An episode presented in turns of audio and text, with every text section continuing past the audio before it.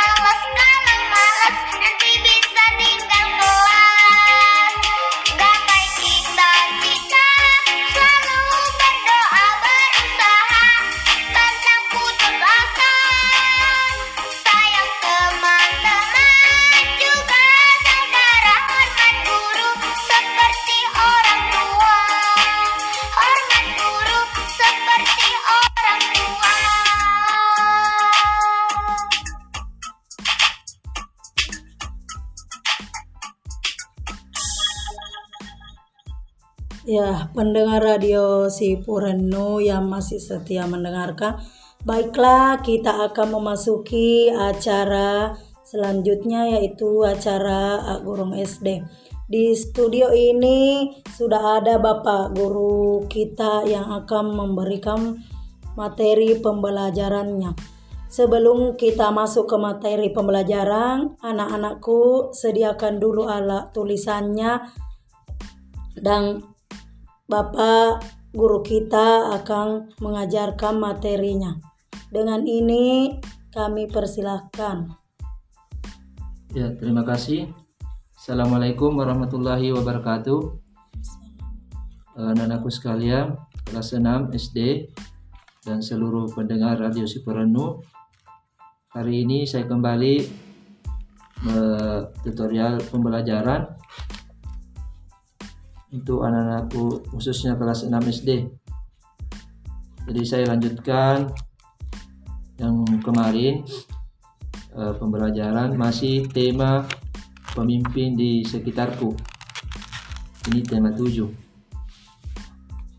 Uh, adapun tujuan yang ingin dicapai siswa di sini setelah mendengarkan radio si perenung pembelajarannya yaitu siswa mampu mengidentifikasi nilai-nilai kepemimpinan yang baik dengan benar.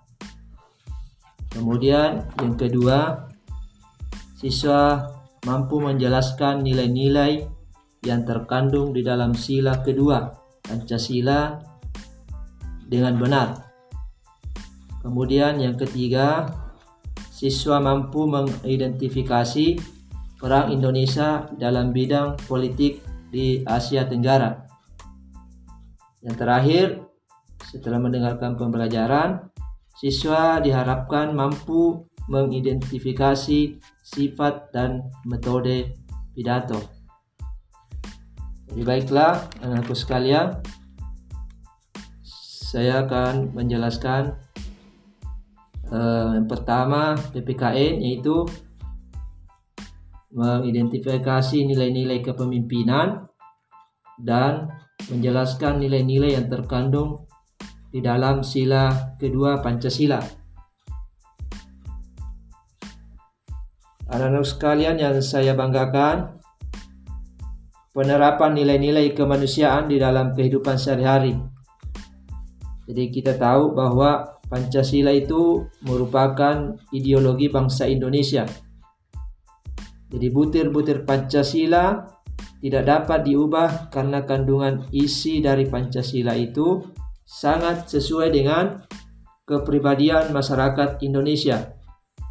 Karena itu, ya, sebagai masyarakat bangsa Indonesia harus menerapkan isi dari kandungan Pancasila tersebut.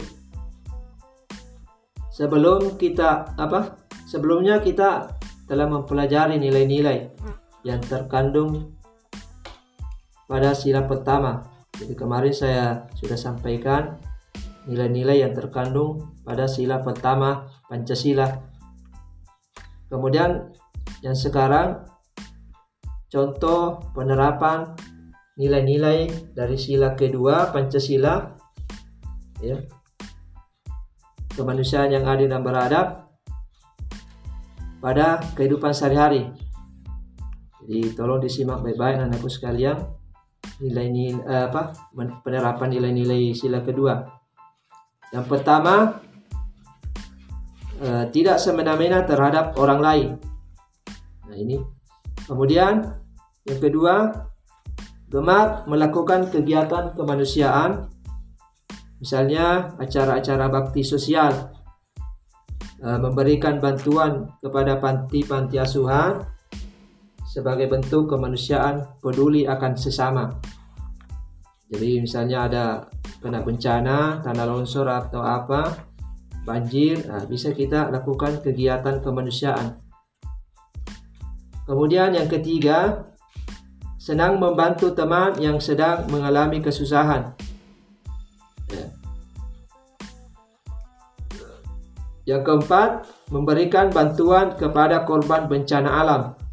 Ya. Kemudian yang kelima, bagaimana bisa kita mengembangkan sikap tenggang rasa, ya, peduli sesama. Kemudian yang keenam, menjunjung tinggi hak asasi manusia. Jadi harus kita menghormati sesama ciptaan Tuhan. Kita tidak membeda-bedakan walaupun berbeda agama. Yang ketu yang ketujuh, menyadari bahwa kita ini mempunyai hak dan kewajiban yang sama. Ya. Jadi penerapan nilai-nilai kemanusiaan yang adil dan beradab di, dalam kehidupan sehari-hari ini ada tujuh saya sampaikan. Jadi saya bisa ulangi, tidak semena-mena terhadap orang lain, gemar melakukan kegiatan kemanusiaan, senang membantu teman yang sedang mengalami kesusahan, Kemudian memberikan bantuan kepada korban bencana alam, mengembangkan sikap tenggang rasa, menjunjung tinggi hak asasi manusia, dan menyadari bahwa kita mempunyai hak dan kewajiban yang sama. Saya kira itu penerapan nilai-nilai kemanusiaan dalam kehidupan sehari-hari. Ya, kembali lagi bersama saya Jenur yang masih setia menemani Anda. Baiklah anak-anakku sekalian, di sini kita sudah dengarkan masalah pemimpin di sekitarku. Tadi dijelaskan oleh Bapak kita ada beberapa yaitu ada butir-butir Pancasila dan nilai-nilai yang terkandung pada sila-sila Pancasila yang berada pada sila kedua. Salah satunya yaitu contohnya tidak semena-mena pada orang lain. Baiklah, sebelum kita lanjut, kita dengarkan dulu lagu berikut ini.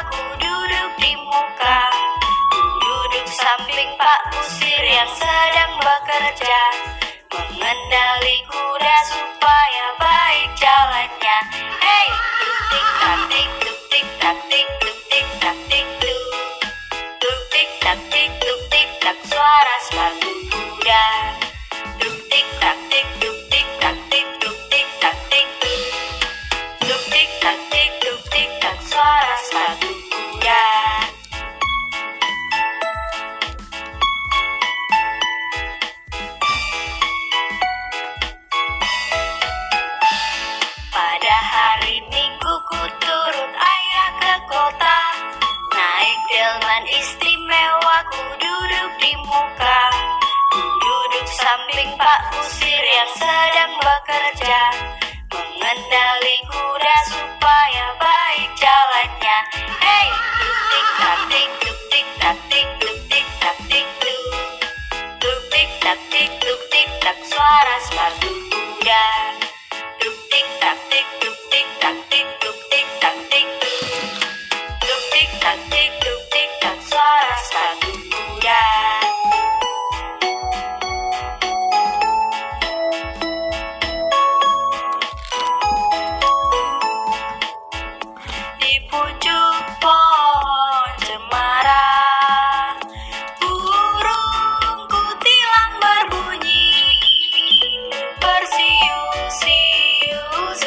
你好。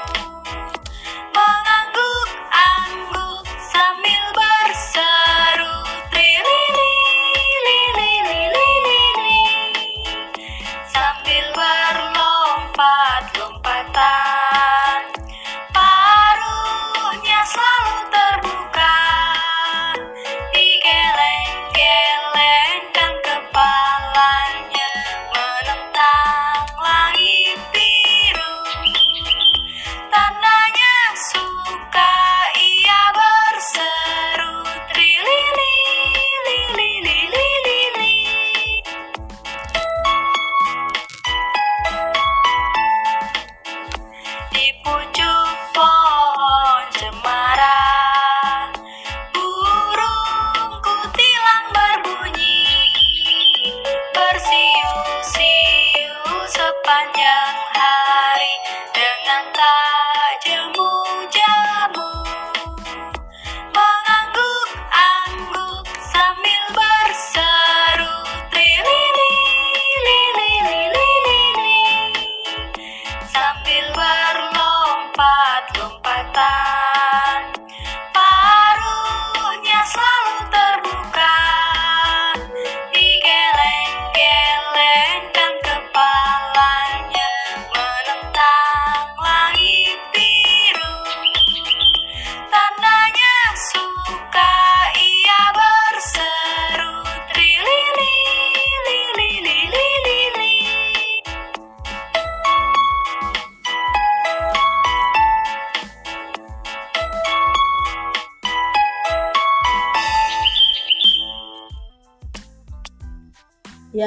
Masih bersama saya Jeng Nur dan Bapak Guru kita yang akan menemani kita. Baiklah kita lanjut pada materi selanjutnya.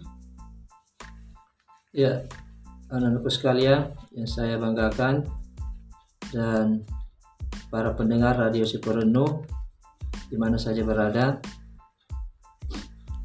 Uh, saya lanjut pembelajaran IPS yaitu apa perang Indonesia di dalam uh, Asia di bidang politik. Jadi kemarin perang Indonesia di bidang ekonomi. Sekarang bidang politik perannya Indonesia di Asia Tenggara Penerapan e, nilai kemanusiaan itu dapat diterapkan di mana pun dan dengan siapa pun. Salah satu penerapannya adalah bekerja sama dengan negara lain, yaitu kerjasama dalam bidang politik Asia Tenggara. Berikut saya sampaikan eh, bagaimana peran Indonesia di dalam ASEAN di bidang politik. Jadi dengarkan baik-baik anak-anakku sekalian. Perannya pertama pengiriman duta dan konsulat antar negara ASEAN. Eh, negara ASEAN saling mengirimkan duta dan konsulat sebagai perwakilan dari negara asal. Ya, jadi ada duta besar. Dengan adanya perwakilan ini, tentu komunikasi antara negara ASEAN dapat terjalin dengan baik. Kemudian, peran yang kedua, perjanjian ekstradisi antar negara ASEAN. Jadi dengan adanya kerjasama ekstradisi ini, banyak para pelaku kejahatan yang melarikan diri ke negara anggota ASEAN itu dapat dipulangkan ke negara asalnya dengan demikian berarti stabilitas dan keamanan negara ASEAN dapat terjamin. Ini sangat penting. Kemudian yang ketiga, peran Indonesia di bidang politik adalah perjanjian kawasan bebas nuklir. Ya. Kerjasama yang selanjutnya ini adalah perjanjian bebas nuklir jadi negara-negara ASEAN atau Asia Tenggara itu mereka sepakat untuk melarang adanya persenjataan nuklir di kawasan negara-negara ASEAN ya untuk menjaga masing-masing keamanan. Jadi mereka e, berbuat membuat sebuah perjanjian untuk ASEAN ini ASEAN ini bebas dari nuklir Kemudian peran Indonesia di dalam politik Asia Tenggara adalah kerjasama kawasan yang damai, bebas, dan netral. Kerjasama ini berarti negara-negara ASEAN atau Asia Tenggara itu bebas untuk melakukan kerjasama dengan negara mana saja bahkan dengan negara yang berasal dari luar Asia dengan syarat tidak melanggar peraturan yang ada. Jadi semua anggota ASEAN di sini bebas untuk bekerja sama dengan negara lain di luar Asia Tenggara. Yang penting ya mereka tidak melanggar yang namanya peraturan. Kemudian peran Indonesia di bidang politik di Asia Tenggara ada namanya ASEAN Defense Ministers Meeting. Ya. Ini adalah suatu pertemuan rutin antar negara-negara ASEAN yang membahas isu dan ancaman untuk kawasan ASEAN. Jadi ada sebuah pertemuan rutin yang dilakukan oleh negara-negara ASEAN atau Asia Tenggara yaitu membahas isu dan ancaman untuk kawasan ASEAN. Ya tentunya ini untuk menjaga keamanan dan ketertiban negara-negara Asia Tenggara. Jadi ini ada ini ada lima saya sampaikan eh, peran Indonesia di dalam bidang politik di Asia Tenggara. Ya demikian untuk eh, PKN ya, IPS ya. Baiklah anak-anakku sekalian, itulah tadi materi pembelajaran yang di, disampaikan oleh Bapak Guru kita tentang apa perang Indonesia di dalam bidang politik, yaitu di Asia Tenggara. Penerapan tersebut bekerja sama dalam bidang politik. Adapun penerapannya salah satunya yaitu perjanjian ekstradisi antar negara ASEAN dengan adanya kerjasama ekstradisi. Ini banyak para pelaku kejahatan yang melarikan diri ke negara ASEAN lainnya. Ya, sebelum kita lanjut, kita dengarkan dulu lagu berikut ini.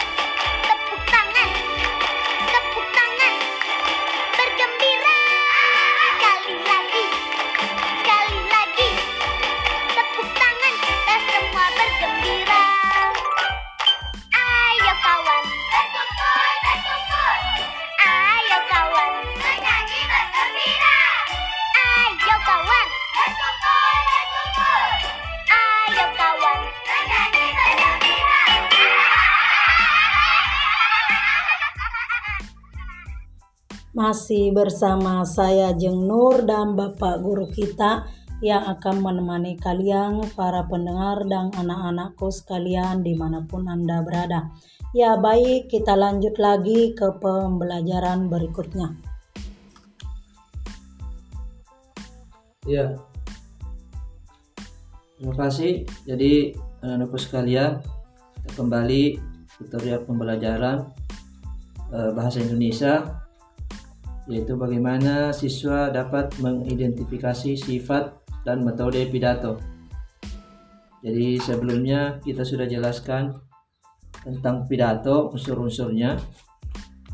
Eh, kemudian pidato itu adalah pengungkapan pikiran dalam bentuk eh, apa kata-kata yang ditujukan kepada orang banyak atau paparan lisan yang disampaikan seorang pembicara kepada khalayak atau masa Nah, berdasarkan sifat dari isi pidato, itu pidato dapat dibedakan sebagai berikut.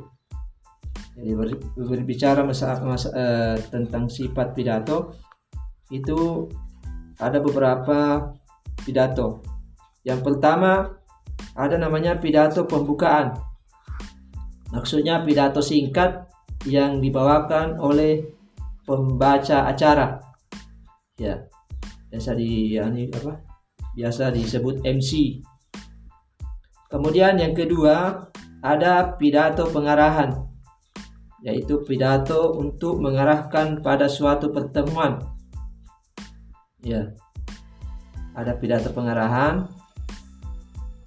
Ya, yang ketiga pidato sambutan yaitu pidato yang disampaikan pada suatu acara kegiatan atau peristiwa tertentu yang dapat dilakukan oleh beberapa orang dengan waktu yang terbatas secara bergantian jadi maksudnya ini pidato sambutan itu biasa dalam acara ada biasa MC menyampaikan bahwa sambutan Bapak Bupati, sambutan camat atau sambutan kepala desa.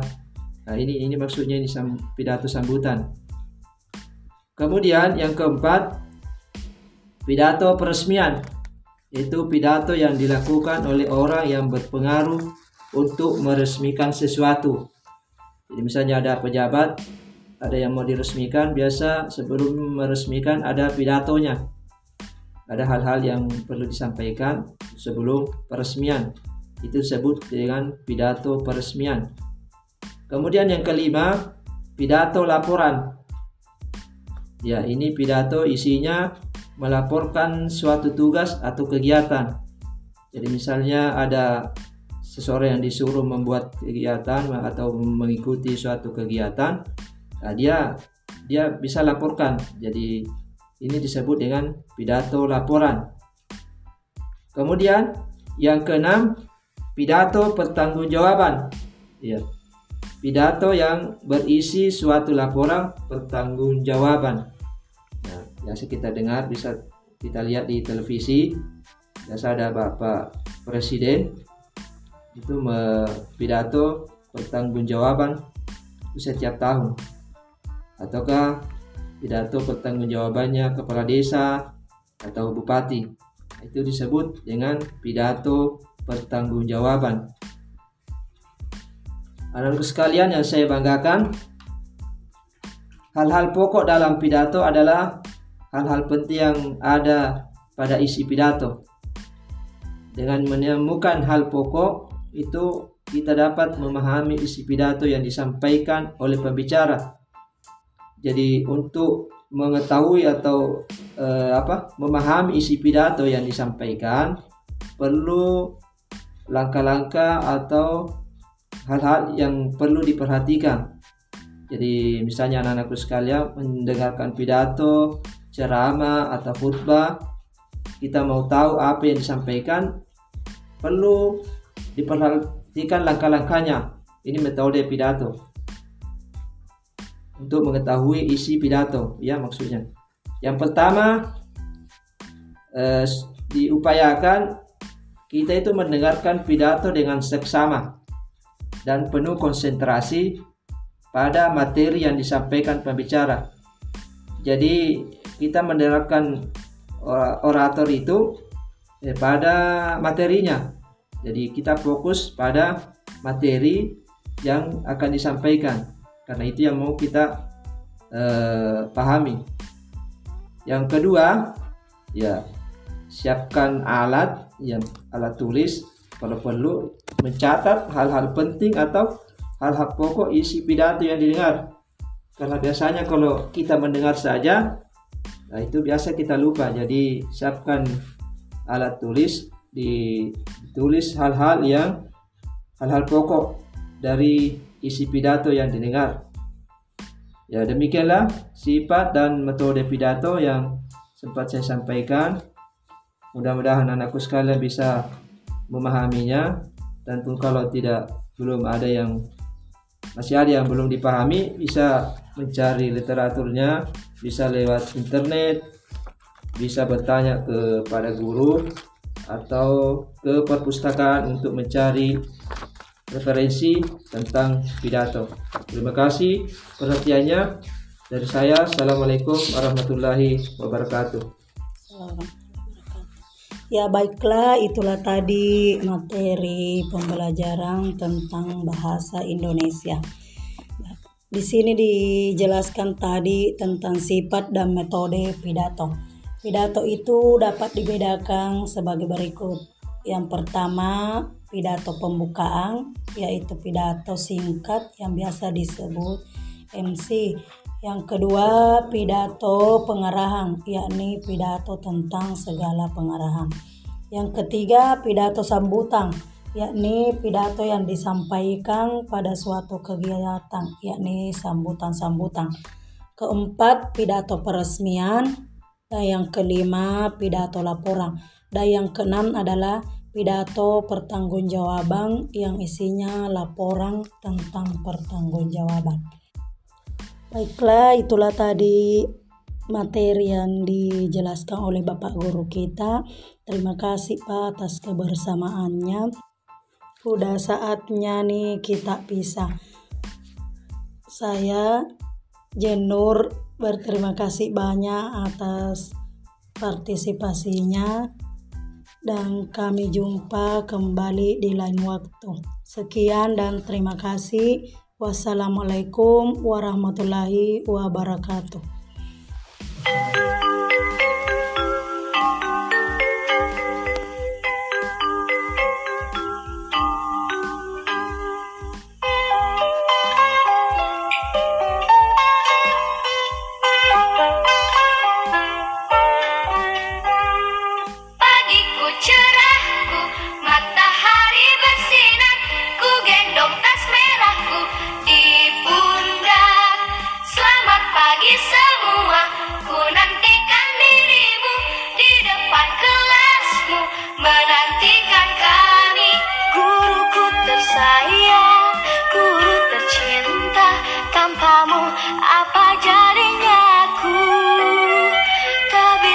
Baca tulis mengerti banyak hal guruku